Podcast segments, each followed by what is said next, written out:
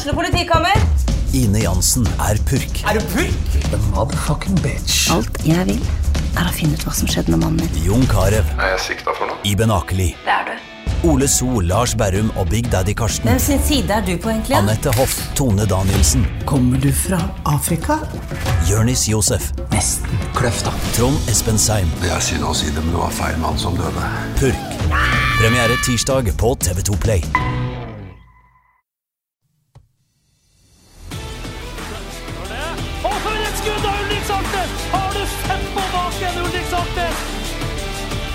Og så er det skåring, og så skårer Bodø-Glimt.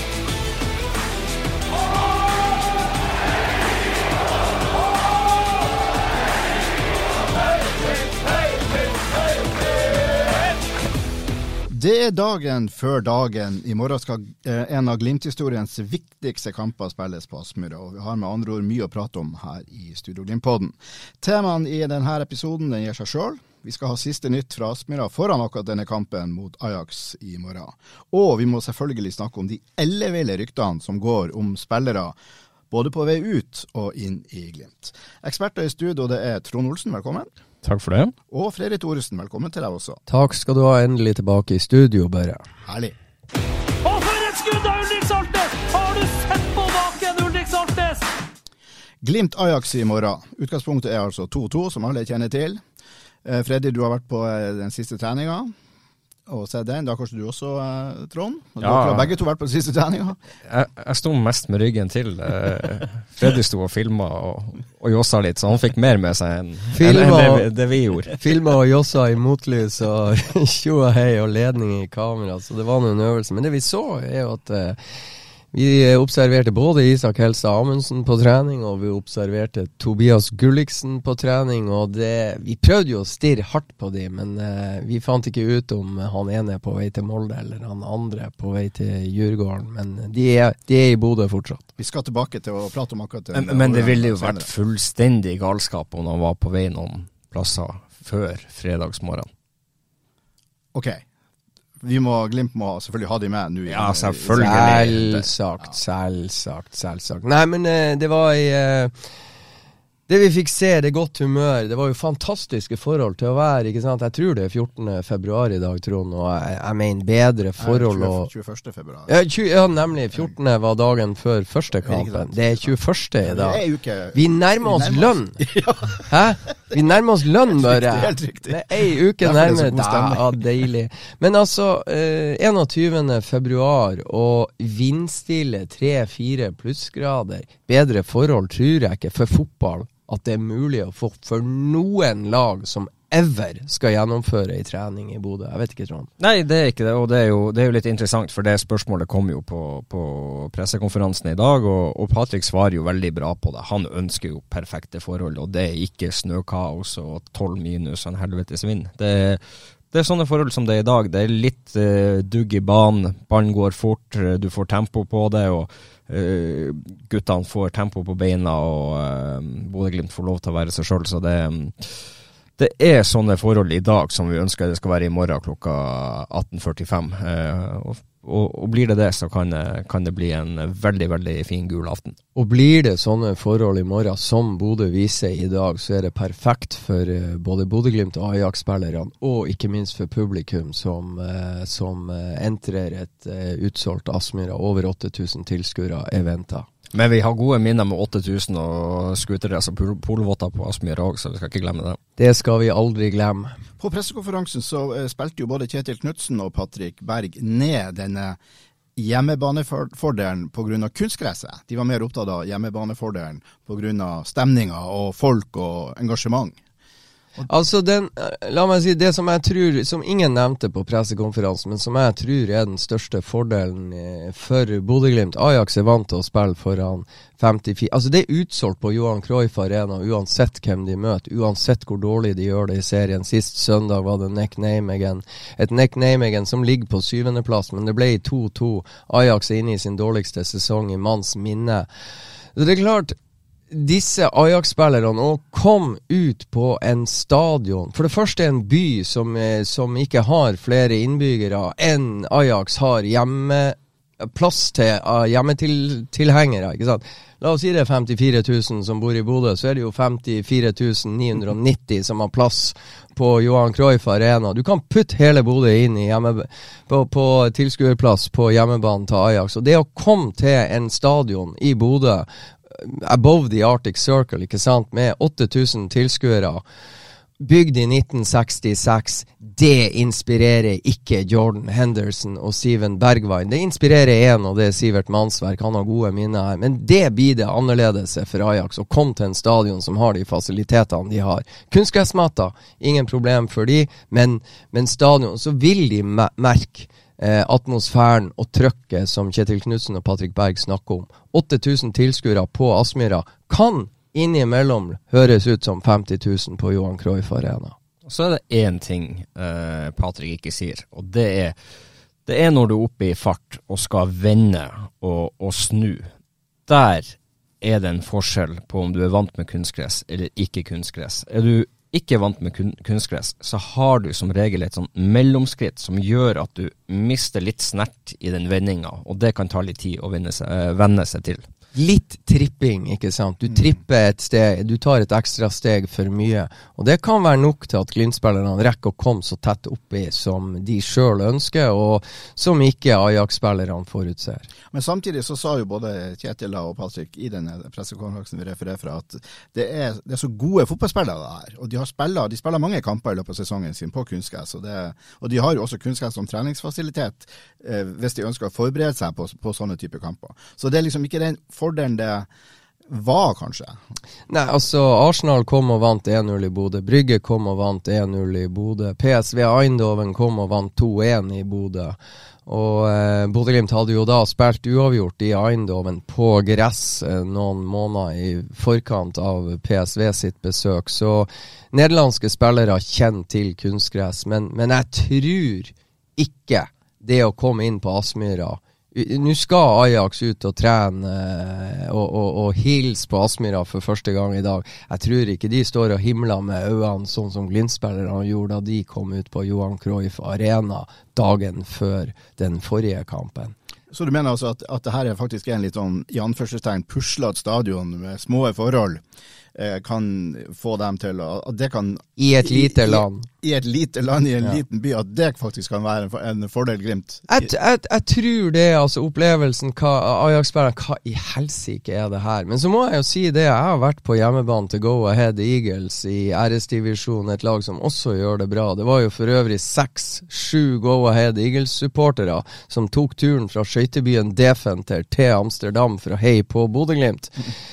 Eh, hjemmebanen til Go Ahead Eagles ser litt lik Aspmyra ut i størrelse, form og farge, så, så de har jo smakt på denne type ting. Nå så jeg Ajax sin bortekamp mot Go Ahead Eagles også. Og Det var ikke et sånn superinspirert Ajax-lag, for å si det pent. Det var en kamp som bølga voldsomt frem og tilbake, og Ajax var heldig som vant 3-2. Men om de ikke har den helt store respekten for arenaen, og at de er vant til større forhold og alt sånt her, så har de vel etter all sannsynlighet stor respekt for Glimt og for det, den fotballen som Glimt spiller.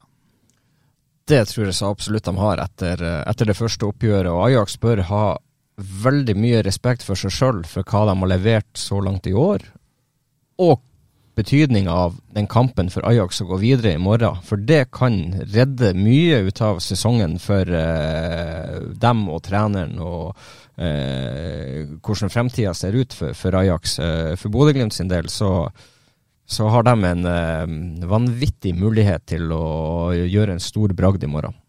Og det er det, altså et lite øyeblikk der på pressekonferansen til Bodø-Glimt som, som, var nå nylig, så er det altså Wilhelm Wisser fra The Volkskrant, altså Folkets avis i Nederland. Han stiller direkte spørsmål til Kjetil Knutsen. Hvordan oppleves det for deg som Glimt-trener å være favoritt for morgendagens kamp mot Ajax? Og han mener det oppriktig, Wilhelm Wisser. Bodø-Glimt er favoritt basert på det han så på Johan Cruyff Arena har litt vanskelig for å kaste meg med på det. Det virker jo fortsatt som om Ajax er et, et, eh, et hakket sterkere lag enn uh, Selvfølgelig er de det, men stemninga blant de som har fulgt Ajax som journalister i 2023-2024-sesongen. Det er jo knapt en ting Ajax har gjort som impone har imponert dem. For der er det Det er jo som Rosenborg i Norge. Er du ikke nummer én, så er det en katastrofesesong. Ajax er nummer fem nå. Og var i, i, oktober så lå de faktisk på nedrykksplass. Og sesongen har vara en stund, fra august til oktober. Men det er klart det er blitt bedre under Jon van Schips sin ledelse. og men ikke sant, Ajax er ikke et lag som skal spille 2-2 hjemme mot Pex Svolle. Det er ikke et lag som skal spille 2-2 i Europa mot Bodø-Glimt. Det er ikke et lag som skal spille 2-2 som de gjorde sist søndag hjemme mot Neck Nijmegen. Dette er lag Ajax skal slå 4-0 hjemme. Min uh, gode venn i etter hvert nå blitt i forbindelse med denne kampen, Tim Schneider heter han, en journalist i Nederland. Han uh, følger Ajax veldig nøye. Han sier at det, de kommer med samme tropp, og sannsynligvis kommer de til å stille med omtrent ca. samme lag. De har iallfall ingen skader. Det har ikke skjedd noe på skadefronten på den uka som har gått siden, og de har spilt en kamp da. Så uh, hvordan tror vi Ajax kommer til å fremstå? Trond, hva du tenker om det?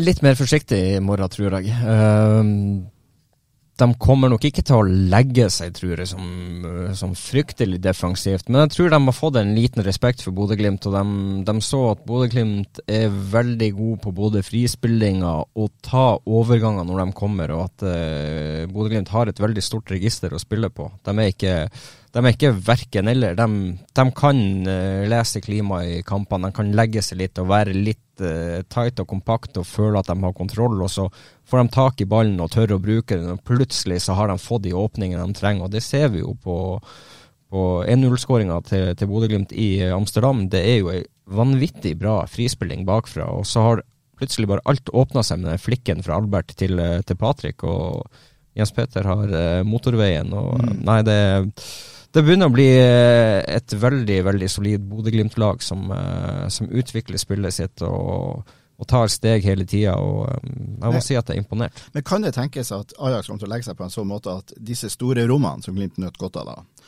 at, de, at de, blir, de blir vanskeligere å finne? Ja, det tror jeg de har tatt lærdom av. Og så tror jeg også Ajax så da i starten av kampen, når de var flinke til å bruke ball og flytte den fra side til side, så ble det store avstander i Bodø-Glimt, og de ble springende en del etter. Og de fikk noen rom. Uh, den, ene, den, ene, store, halvstore sjansen, den som uh, Kjetil Haug redder i første omgang, og som går i tverrliggeren og over, den er jo etter seks vendinger. Og så kommer de inn i midten av banen. Og så er det jo egentlig dårlig av han som skyter. Han skyter jo altfor tidlig. Han kan ta ballen med, med seg to-tre meter mm. og ha en mye større sjanse enn det han gjør, øh, får. Så øh, det finnes muligheter òg, men da må Ajax være tålmodig, og Bodø-Glimt øh, må være desto mer flink og strukturert og holde avstandene nede og ikke få de rommene og åpne opp inn i seg. Glimt da, Freddy, hvordan tror du de kommer til å fremstå?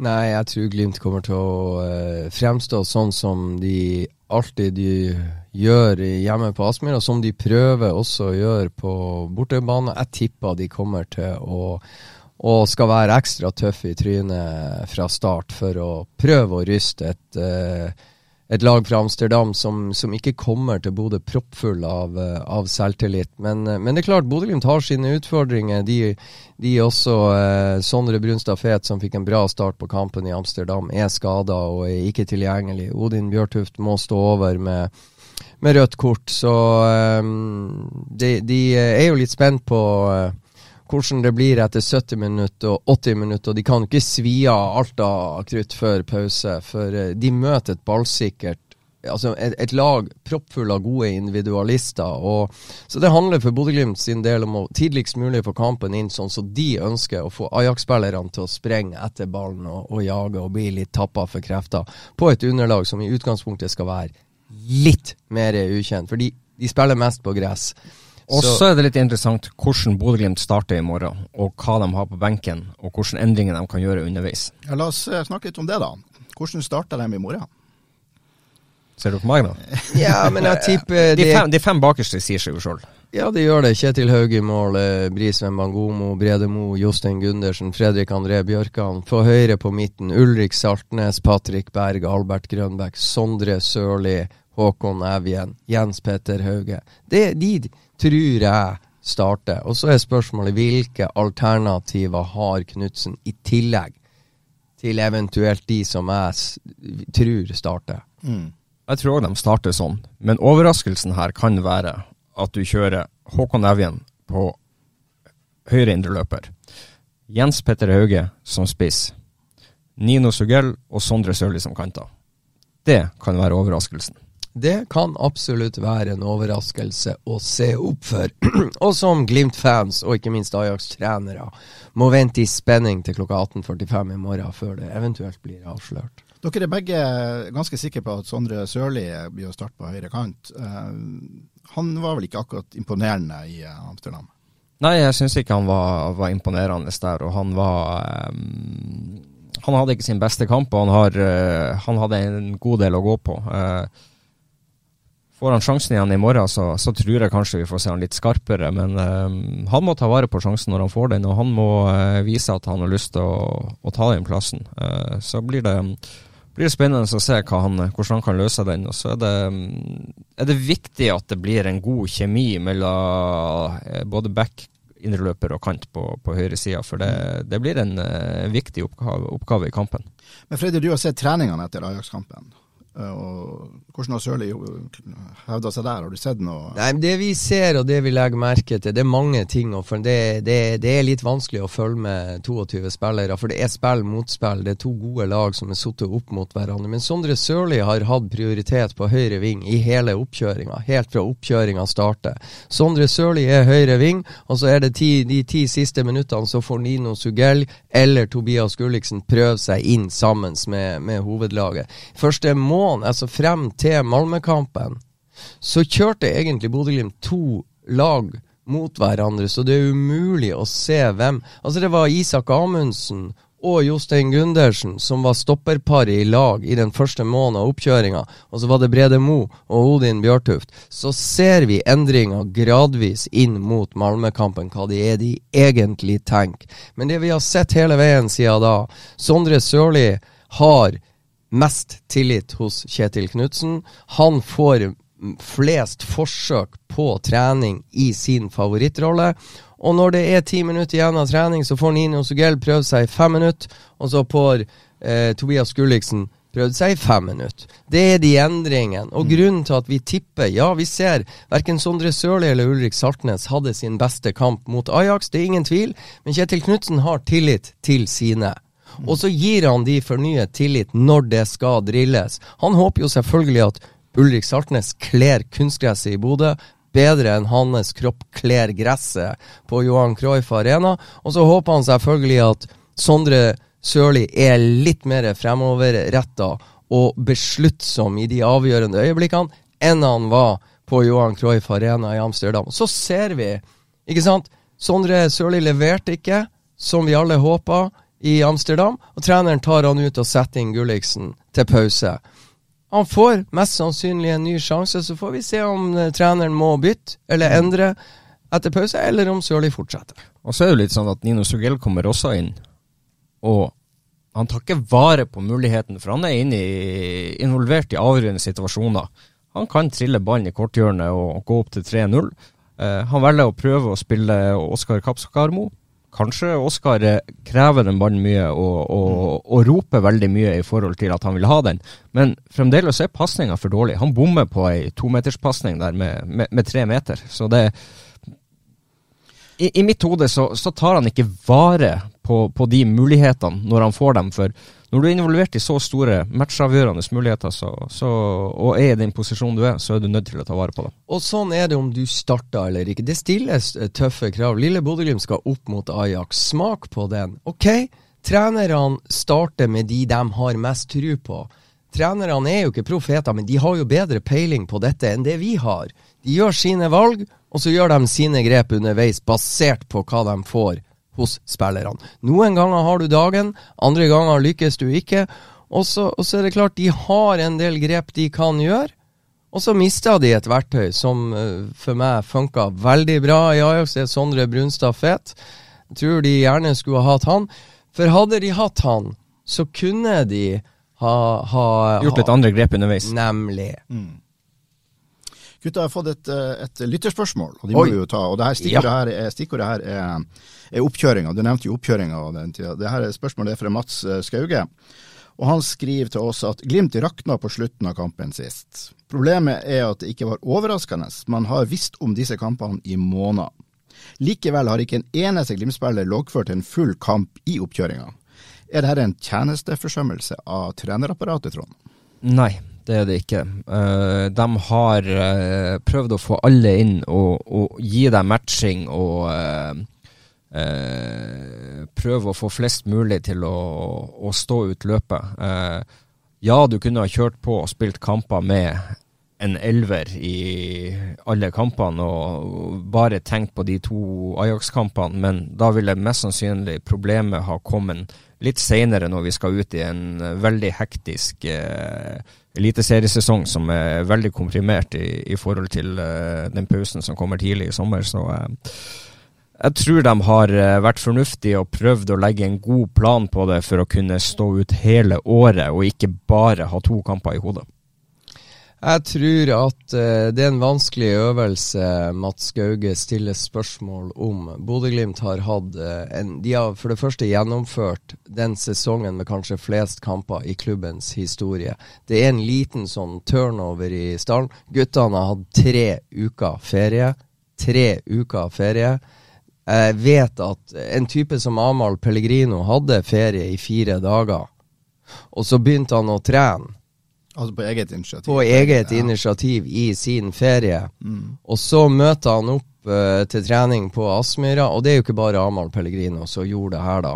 Og så, så, så møter du opp til ei oppkjøring hvor du har fire til fem uker til du skal være mest mulig matchfit til 15. februar i Nederland. Og Det er problemet med å være et lag utafor sesong. Og jeg tror at hvis Bodø-Glimt-trenerne hadde vært mer grådig og kjørt 70-80 til 90 minutter på enkelte av spillerne i f.eks. mot Hamarby eller Sparta Praha såpass tidlig i oppkjøringa, så tror jeg Bodø-Glimt har risikert flere skader enn de faktisk har fått. De har fått noen skader, ja. Runar Espio røk ut. Omar El Abdelaue har røket ut.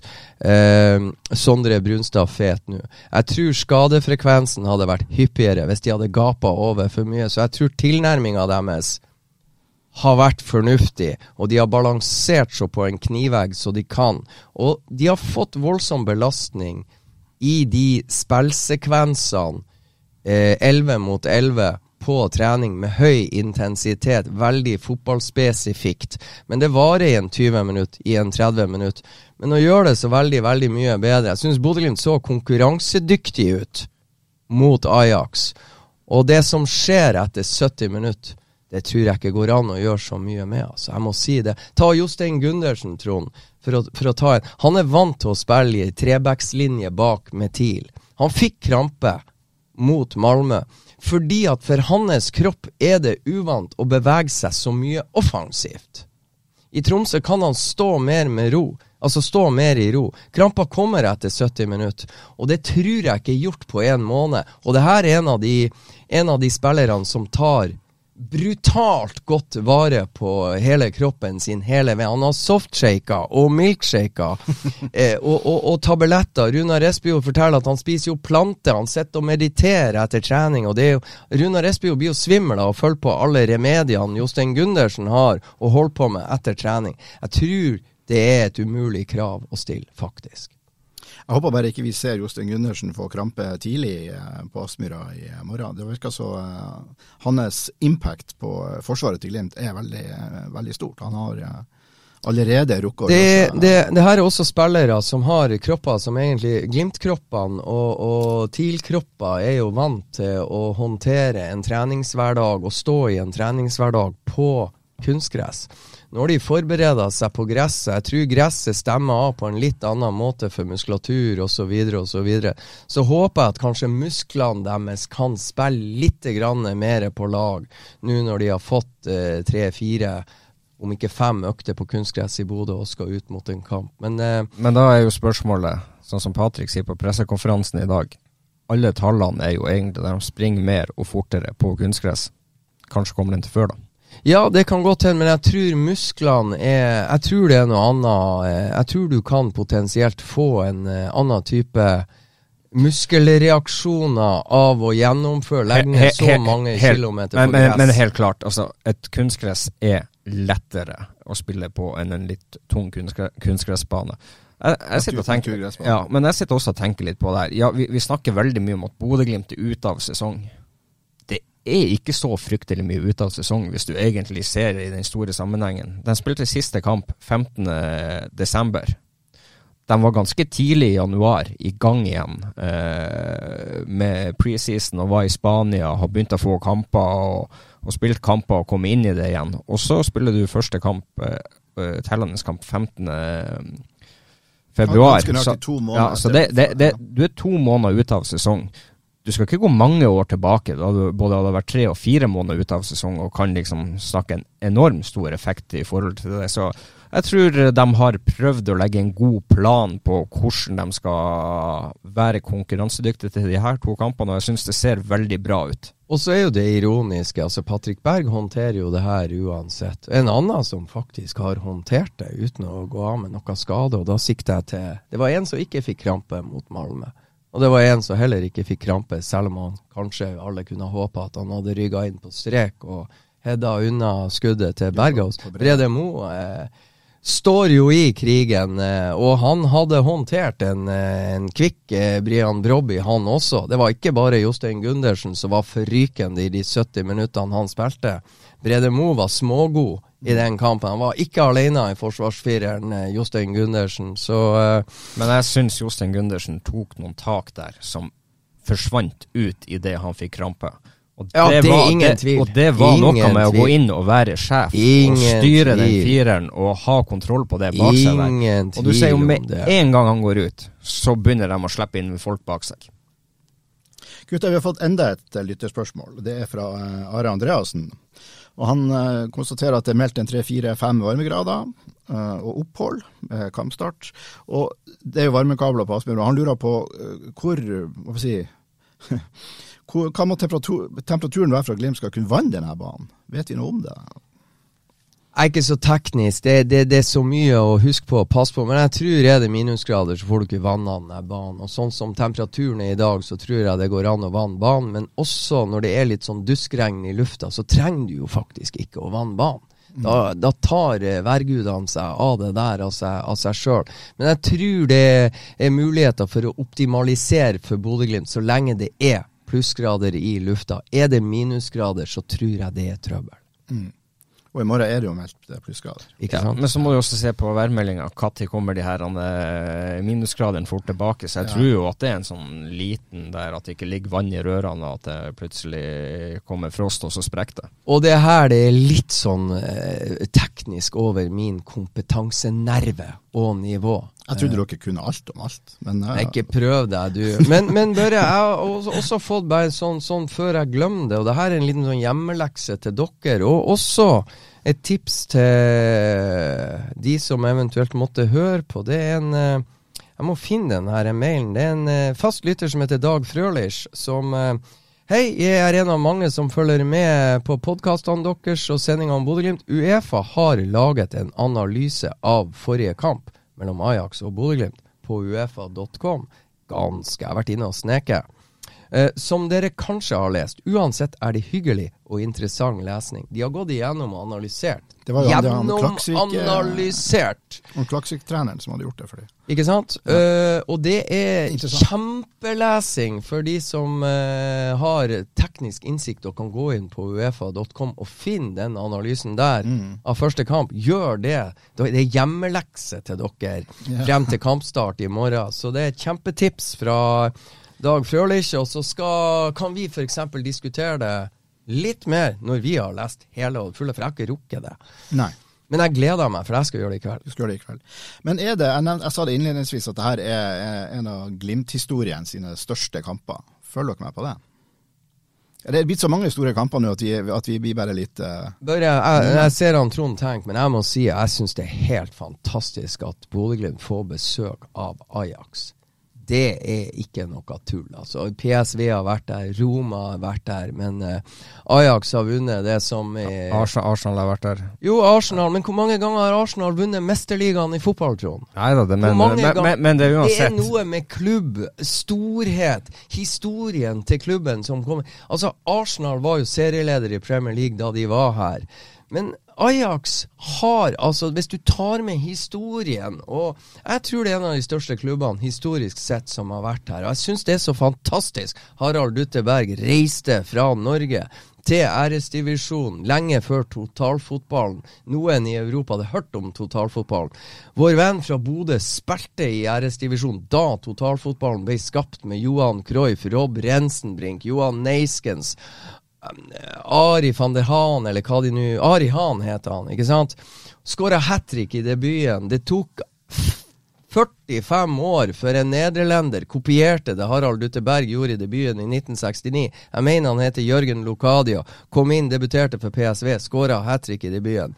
45, 45 år etter Harald Dutteberg. Det at Nederlands desidert største klubb kommer til Harald Berg sin hjemby, bedre blir det ikke. Og det står jo en del ting på spill i morgen også. Altså, de, de, Kampene mot Arsenal det var jo mer sånn se gruppespill og, og Ja, nå er det vinn eller forsvinn. Nå er det vinn eller forsvinn, og vi har et utgangspunkt som ikke jeg nesten torde å håpe på. Så jeg føler jo fortsatt at jeg har mine ord i, i hvert fall i, nesten i behold, at dette er én av de største Det er i hvert fall den største kampen i 2024 for Bodø-Glimt. men, men, men, du må jo huske på, altså, du, ja du er i gruppespill og alt. Men det er jo en bragd og en prestasjon å gå videre fra gruppespillet og komme i, i, i de posisjonene at du, du faktisk kan mm. spille playoff eller gå direkte til åttendelsfinale. Altså, vi må ikke glemme at det er store kamper som har vært, eh, vært spilt, og vi, vi, vi, vi møter store og eh, spennende motstandere. og det, Noen er mer publikumvennlige enn en, en andre. og Det er helt rett som Freddy sier. Ajax er en enormt stor klubb. Ajax har vunnet Mesterligaen fire ganger. Den europeiske supercupen tre ganger. Verdenscupen to ganger. Uefa-cupen én gang. Cupvinnercupen én gang. Og den nederlandske cupen 20 ganger. Og seriegull 35. Ja, Ajax leder Premier League. Ja, Roma Arsenal. Nei, Arsenal. Arsenal leder Premier League. Roma har jo en uh, fet historie og tapte en uh, kamp jeg husker for et lag som heter Liverpool. Uh, Brus Grobelar i mål. Men altså Fire ganger Mesterligaen. Historiske perspektivene på Ajax. Men, men, igjen så kommer Ajax på besøk, heldigvis, til Bodø. Den ene sesongen det faktisk er mulig å slå, det. Og det er jo enda bedre timing, tenker jeg. Jeg tenker at det alltid, altså, når du heter Bodø-Glimt og du er kommet dit du er kommet i utviklinga og har det spillematerialet du har og levert det du har gjort de siste årene, så skal du være på et nivå der du kan kjempe mot klubber i som er på det nivået eh, som er i Nederland og Belgia. Og, og, og der, der, ligger jo lista til Bodø-Glimt, at du skal være oppe og, og fighte med dem. der er vi nå. Ja. Der er vi nå. Det er jo helt sykt. Så, så, det er jo det er ikke så mange år siden Rosenborg slo eh, Ajax ut i, i playoff til Europa League. Nei, det er ikke det. men det er fascinerende å gå. Vi har jo vært på, tidlig på trening. Vi møtte jo opp Du møtte jo opp tidligere enn meg, Trond. Jeg var jo svirra rundt stadion og snakka med Ja, i dag på treninga på Aspmyra. Der er nederlendere, nederlandske fans er rundt og går og tar bilder av duttestatuen og tar bilder av den slitne stadion og er og lager snøballer, har snøballkrig og ser her er snø, ikke sant. De har jo ikke sett det på ei stund i, i Nederland. Og masse journalister. Til og med dansk TV 2 er her oppe for å, for å følge eventyret. Og det, og det, er det som er litt interessant, for i høst så har vi nå stort sett vært alene. Korrekt. Eh, nå. I gruppespillet, ikke sant, har vi vært alene. Ja. Ja. Altså Tenk på medieinteresse. Ja, ja. altså Dagbladet og VG har nesten ikke vært der. Ja, TV 2 og NRK er jo selvfølgelig der. Ja. Men i dag er det fra Danmark, det er fra VG, det er fra Dagbladet, fra Nettavisen. Det er det er nederlandsk presse der, og det er Ganske mye ja, det er mye, så Det er enormt stor interesse for denne kampen, så um, vi kan i hvert fall si at uh, det er en kamp som betyr mye for mange. En liten, vent litt, en sånn liten sånn her, eh, som jeg hører er Vi har jo, vi har jo Det er jo tredje Det er jo ja, det er jo fjerde året. Bodø-Glimt har vært i gruppespill tre år på rad. Mm. Og de henger med også i år og skal inn i en ny kvalik eh, til sommeren. Men altså, det er jo strikte regler på det her med 15 media og sånn får Er du akkreditert, så får du se 15 minutter av treningen til Bodø-Glimt. Og du får også se 15 minutter Altså Du får se José Mourinho og Roma-spillerne kommer ut i 15 minutter og går på gresset og tar litt selfier på deg. Hvor er vi hen? Hvilken planet har vi landa på? Men det jeg hører rykter om at Ajax kommer til å gjøre i dag De kommer til å ha hele treninga åpen for media de ønsker å ha hele treninga åpen for sine supportere som har tatt turen fra Nederland til Bodø for å heie på dem. Her er en sjarmoffensiv fra en europeisk storhet jeg ikke har opplevd noen gang i løpet av dette europacupeventyret til Bodø-Glimt. Så det syns jeg også er veldig fascinerende å ta med seg. Her tror jeg det er en klubb som sliter litt, og så skal de spille litt på sjarmen overfor fans som har tatt den lange turen til Bodø. Og det syns jeg viser storsinn. Inkludere, vise et samhold. Der, yes. er, der, vi er sammen om dette, så uh, ja. Uh, Høres smart ut, da. Ajax prøver i hvert fall, og, og uansett hva har de å, å skjule på den siste treninga? Altså det, det, det, er så enkelt. Det svirrer jo 100 kameraer på Aspmyra, så Bodø-Glimt kan følge med på den treninga så mye de vil uansett. Sånn er det. Og så er det skåring! Og så skårer Bodø-Glimt! I går ble det først kjent at uh, Isak Helstad Amundsen kan være på vei til Molde. Noen timer senere ble det kjent at Tobias Gulliksen kan være på vei til svenske Djurgården, etter bare et halvår her i eh, byen. Og i dag kom nyheten om at Glimt har lagt inn bud på Tromsø-gutten August Mikkelsen, som nå spiller i Hamarby. Det er noen ganske spektakulære uh, overgangsrykter som uh, som havna i uh, Glimt-interessertes uh, oppmerksomhet nå, uh, gutta. Ja, og det er jo ting som tyder på at uh, det er mye som stemmer i disse ryktene. Det er ingen tvil om at uh, Bodø-Glimt og Molde snakker sammen om et uh, eventuelt salg for Bodø-Glimt sin del uh, av Isak Helstad Amundsen til Molde. Dette var jo noe som faktisk uh, var ganske nært, etter det jeg forstår, å skje i sommer. Partene var mer eller mindre enige, og så dukka den hodeskaden til Isak opp, som tok tid, og så rant alt ut i sanda. og så har det da blussa opp. Ja, Molde har vært på jakt etter midtstopper lenge. Bodø-Glimt har fem midtstoppere. Jeg hører at én skal bort. Jeg hadde håpa og forventa at det ikke skulle bli uh, beistet fra Brønnøysund, Isak Helstad Amundsen, men en annen en. Trenerne sitt førstevalg er tydeligvis Brede Mo og Jostein Gundersen. Da er det jo én av de tre andre. Dessverre kom budet som Glimt kan være villig til å akseptere fra Molde på Isak Helstad Amundsen. Og samtidig da, så, så har eh, svenske Djurgården, og det blir også backa opp av det jeg forstår i, i svensk presse i etterkant, da, at eh, det er mye som tyder på at også det stemmer. Og, og de opplysningene jeg fikk i går ettermiddag kveld, er eh, også fra Bodø, da.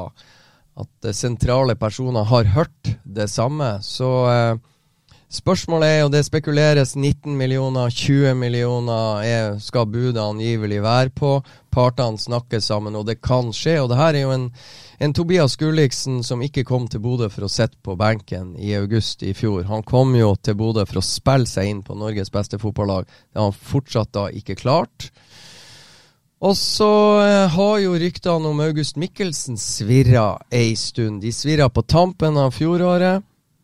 De svirra i begynnelsen av 2024. Hammarby har fått en ny trener. Hammarby ønsker i utgangspunktet ikke å selge. Eh, August Mikkelsen ønsker å ta opp konkurransen under den nye treneren i Hammarby. Fikk start mot Bodø-Glimt, skåra et flott mål. Eh, og ble enda mer interessant for Bodø-Glimt? Kanskje.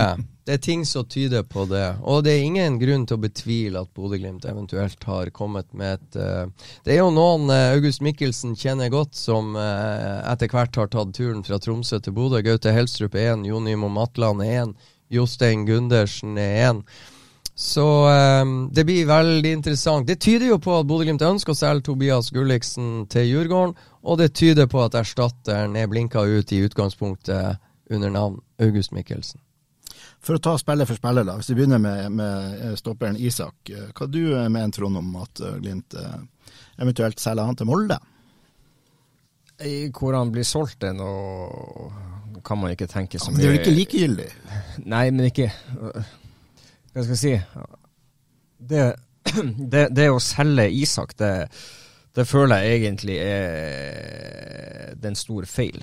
Uh, jeg syns han har såpass mye spennende uh, i seg at han uh, han eh, burde ha fått flere muligheter. Ja, jeg vet at han har vært skada av det, men, men, men, han bør være den som har vært og lukta på å spille mye mer enn, enn han gjør. Um, altså ja, han har noen mangler i det defensive arbeidet sitt som, som han må ta steg på, men, men, samtidig så er det det er så mye spennende med han som, som gjør at jeg gjerne skulle sett at han eh, ble i Bodø-Glimt. og fikk lov til å utvikle seg og ta de stegene. Eh, men så er det kanskje det at Bodø-Glimt ikke har tid til å la han få de mulighetene til å ta de stegene. Eller at han ikke føler at han har tid.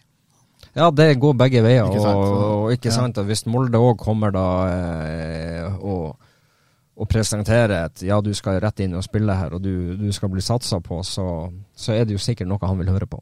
Mm. Det begynner å bli en stund siden Isak Helstad Amundsen og Marius Høybråten spilte i midtforsvaret til Bodø-Glimt mot Dynamo Zagreb hjemme og Dynamo Zagreb borte. og I hjemmekampen eh, var jo Isak Helstad Amundsen meget god. Det var en formidabel det, det var en kamp. formidabel kamp. og ikke sant? Et, I etterkant av det så har han ikke starta all verdens av kamper. Det er klart her er en spiller som trenger å spille kamper for å utvikle seg. Så syns jeg det er litt ironisk og litt grann sånn Jeg tror og håper at det svir litt i Bodø-Glimt. Uh, for det ironiske kan være at du har Hvis det blir noe av salget av Isak Helstad Amundsen til Molde, så syns jeg det er bitende ironisk at du har en bodøværing som heter Kasper Øyvand, og du har en fra Brønnøysund som heter Isak Amundsen, i midtforsvaret til Molde. Med en Martin Bjørnbakk. Og i tillegg da en Martin Bjørnbakk som begynner å bli gammel. Altså det, nei, jeg må si det at, at eh, Det må svi litt at to fra Nordland fylke, én fra Bodø. At man ikke fikk de Tre. til. Du glemmer Martin òg. Ja, jeg tar ikke med Martin, Trond. Nå tar jeg de to siste, for det er så lenge siden Martin forsvant. Og han er 2-33 år nå. Men jeg tenker, det er ingen Altså, det er trasig. Altså, det har noe med identitet og hvor du kommer ifra. Og, og um, ja, jeg syns jeg, jeg, liker det dårlig. Men uh, vi har jo da fått en annen nordlending inn, da, Jostein Gundersen. Det er, ikke, det, er jo, det er jo ikke så mye lenger fra Tromsø til Bodø som Brønnøysund til Bodø. Nei, det aksepterer så, så identiteten jo, er absolutt. jo for så vidt i behold. Abs absolutt. Men Hva du tenke om det at, det er, at vi styrker den største konkurrenten, i hvert fall tilsynelatende, og i hvert fall nå før det hele i gang igjen? Nei, men Det handler litt om, om, fornuft. Molde har gjort mye bra. De har en bra trener, de har gode spillere, de konkurrerer i Europa. Og, og er det de som er villige til å putte uh, de pengene i potten som det Glimt ønsker for Isak Helstad Amundsen, så, så, er det òg litt sånn Glimt sin forpliktelse om å bidra til at spillerne de eventuelt gir ifra seg, kommer til et bra sted. Så eh, jeg tror Molde og Bodø-Glimt uh, snakker sammen og, og, drar veksler på hverandre og, og driver hverandre i kampen om å være best i Norge. Og det tror jeg de gjør på en fornuftig måte. Og, og så handler det jo litt om hva, hvilke klubber som er interessante i Norge. Det er jo kun to klubber per tiden som er ute fast i Europa og spiller, og du ser muligheten til å ta både steg nasjonalt og internasjonalt. Så det, tenker, det, det, er jo sammensatt, det. Jeg har faktisk en litt større forståelse for det. Også, og, og, og eh, altså Isak ønsker å spille fotball. Ønsker å spille mer, spille mer fotball for å ta nye steg som spiller enn det Bodø-Glimt kan tilby. Får han det under Erling Moes ledelse i Molde, så er det jo en steike god konkurransearena han da kommer til. Og så er det bare håp at uh, Bodø-Glimt uh, casher inn mest mulig eh, før spiller, da. OK. Eh, Tobias Gulliksen, et halvt år bare. Eh, det har vært noen sånne spillere i, i Glimt, Glimt sin historie som man har hatt store forventninger til, som har kommet og som relativt raskt har forlatt igjen. De har skjønt at her ble det ikke sånn som de, sånn som de tenkte.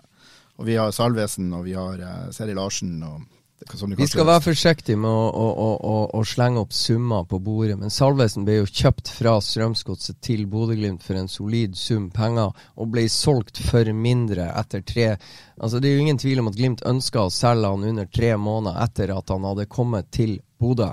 Fruen var jo ikke ferdig med oppsigelsestida på sykehuset sitt i Drammensområdet, og, og hun kom jo tilnærmet med oppsigelsen på første dag på sin nye jobb på sykehuset i Bodø. ikke sant? Så fort gikk det. Det forteller meg at han ikke scouta godt nok av Bodø-Glimt.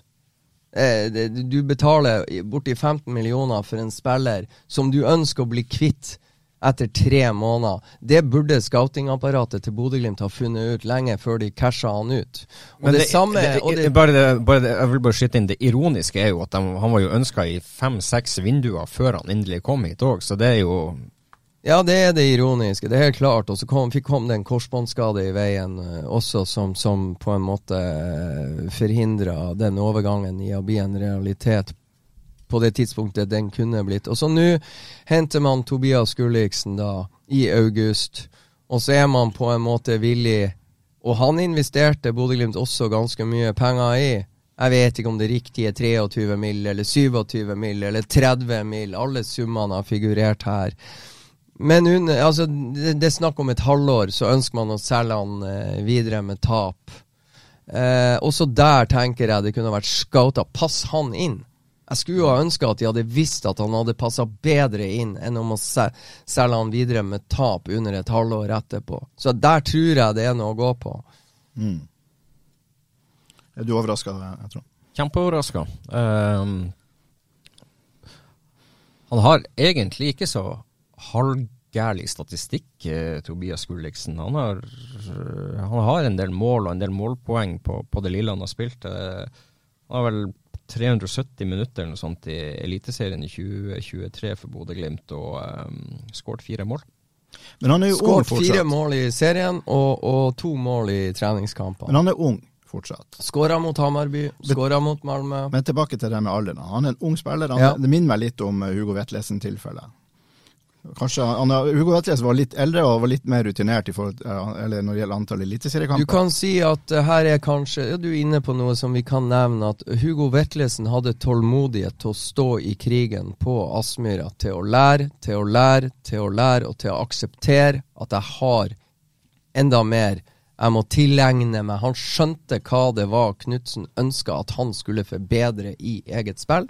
Så er det andre spillere som ikke har den tålmodigheten. Og, da, da, og det, kan han, være, det kan være tilfellet med Tobias Gulliksen. Og jeg sier det Men, kan være tilfellet. Og der handler det jo litt om ja, du har scouting av spillerne, og du har uh, statistikker på spillerne, du, du, vet hvor mye de løper og alt. Du kan, du, du kan sjekke det, det meste. Men det er jo den samtalen du sette ned og prate med personen, eh, den er veldig avgjørende for eh, hvilket inntrykk du har. Eh, er det her en, en, en spiller som eh, vi kan utvikle videre og vi kan få til? I, i, i tilfellet med Gulliksen så er det litt sånn for meg eh, Vi strekker opp hendene i, i, været og sier at beklager, vi klarer ikke å utvikle det her. Vi må bare få han bort. Eh, vi må få inn noen andre som, som vi klarer å håndtere. og det er det kan gå litt på eh, tålmodighet og hvordan du tar imot eh, beskjedene i forhold til hva du må gjøre bedre for å få mer spilletid og, eh, og ta de rette stegene. Og så kan man eh, ha litt forskjellig syn på hva som er styrker svakheter. Begge disse to vi har snakka om nå, altså Isak og Tobias, eh, er jo med kamptropp i morgen mot Ajax. Eh, hva vil sånne rykter og sånne her spekulasjoner om at de skal hit og dit ha å si for, for deres eh, prestasjon, hvis de nå skulle få sjansen på, eh, på Aspmyra? Absolutt ingenting. jeg tror, eller jeg vet at når du tar på deg skoen og drakten og går ut og spiller kamp, så vil du alltid gjøre ditt beste. Altså, det, det, beste begge to kan gjøre hvis de får muligheter til å, til, til å uh, komme inn på banen i morgen, det er å levere varene. For det øker verdien deres uansett om de er rykta bort, er på vei bort eller skal bort i fremtida. Så jo flere gode prestasjoner du kan levere, jo mer uh, aktuell er du for andre klubber. og det, det handler om uh, å være profesjonell i, i alt du gjør. Og med Ajax på motsatt banehalvdel, og du får sjansen til å være med og drible litt med Jordan Henderson og Steven Berghuis og hva, hva de nå ikke heter, så tror jeg faktisk Djurgården må vente litt, og Molde må vente litt. Da tror jeg de er i nuet og blir grepet av den atmosfæren forhåpentligvis 8000 tilskuere klarer å skape på Aspmyra. Men vi snakker om nordnorsk identitet. Og ja, eh, det kan være et veldig smart valg av Bodø-Glimt å kvitte seg med Gulliksen hvis de får henta August Mikkelsen. Da får du inn en nordnorsk spiller, men du får også en spiller som mest sannsynlig vil være enda litt råere å kunne bruke som høyre kant. Og det tror jeg er en posisjon Bodø-Glimt ønsker å uh, forsterke.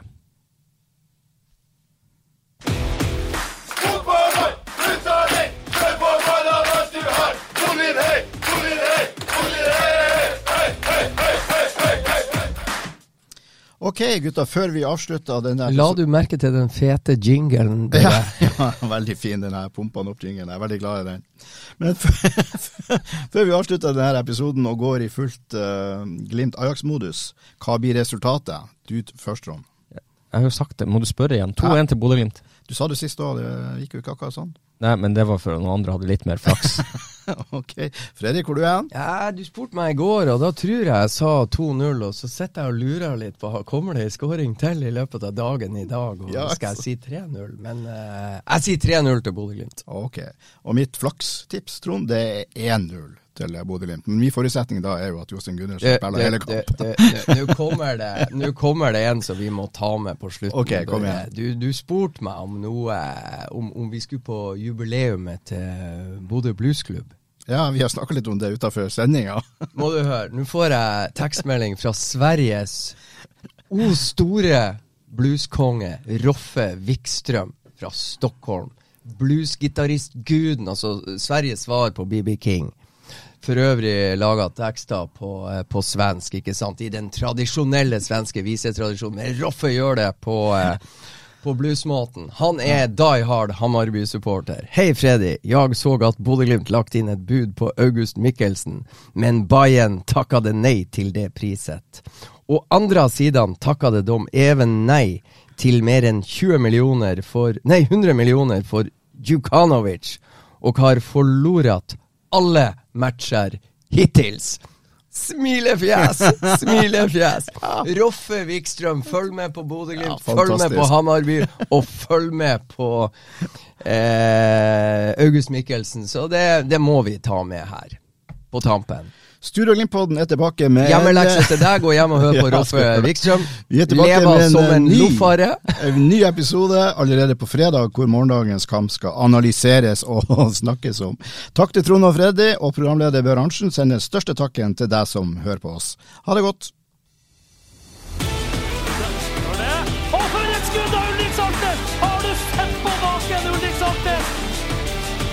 Og Da er det skåring, og så skårer Bodø-Glimt!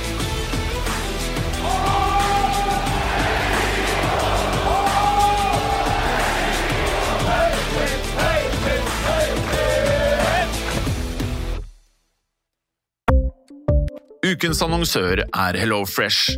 HelloFresh er verdens ledende matkasseleverandør og kan være redningen i en travel hverdag. Mange av oss har nok vandret i butikken både sultne og uten en plan for middagen, som ender med at vi går for de samme kjedelige rettene gang på gang. Middag burde være dagens høydepunkt. Som Hello Fresh kan du nå velge mellom 25 ulike retter hver eneste uke, eller få Hello Fresh til å sette sammen menyen for deg. Dette gir deg muligheten til å prøve nye og spennende retter alene eller sammen med familien. Du velger antall porsjoner og får alt levert på døren på et tidspunkt som passer for deg.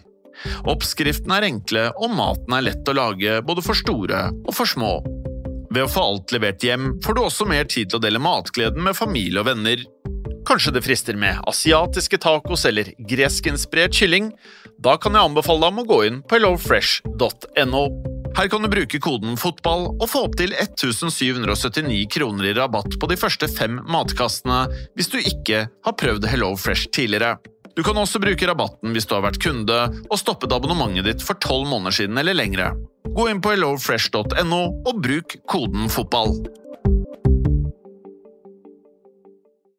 Har du et enkeltpersonforetak eller en liten bedrift? Da er du sikkert lei av å høre meg snakke om hvor enkelt det er med kvitteringer og bilag i fiken, så vi eh, gir oss her, vi. Fordi vi liker enkelt. Fiken superenkelt regnskap.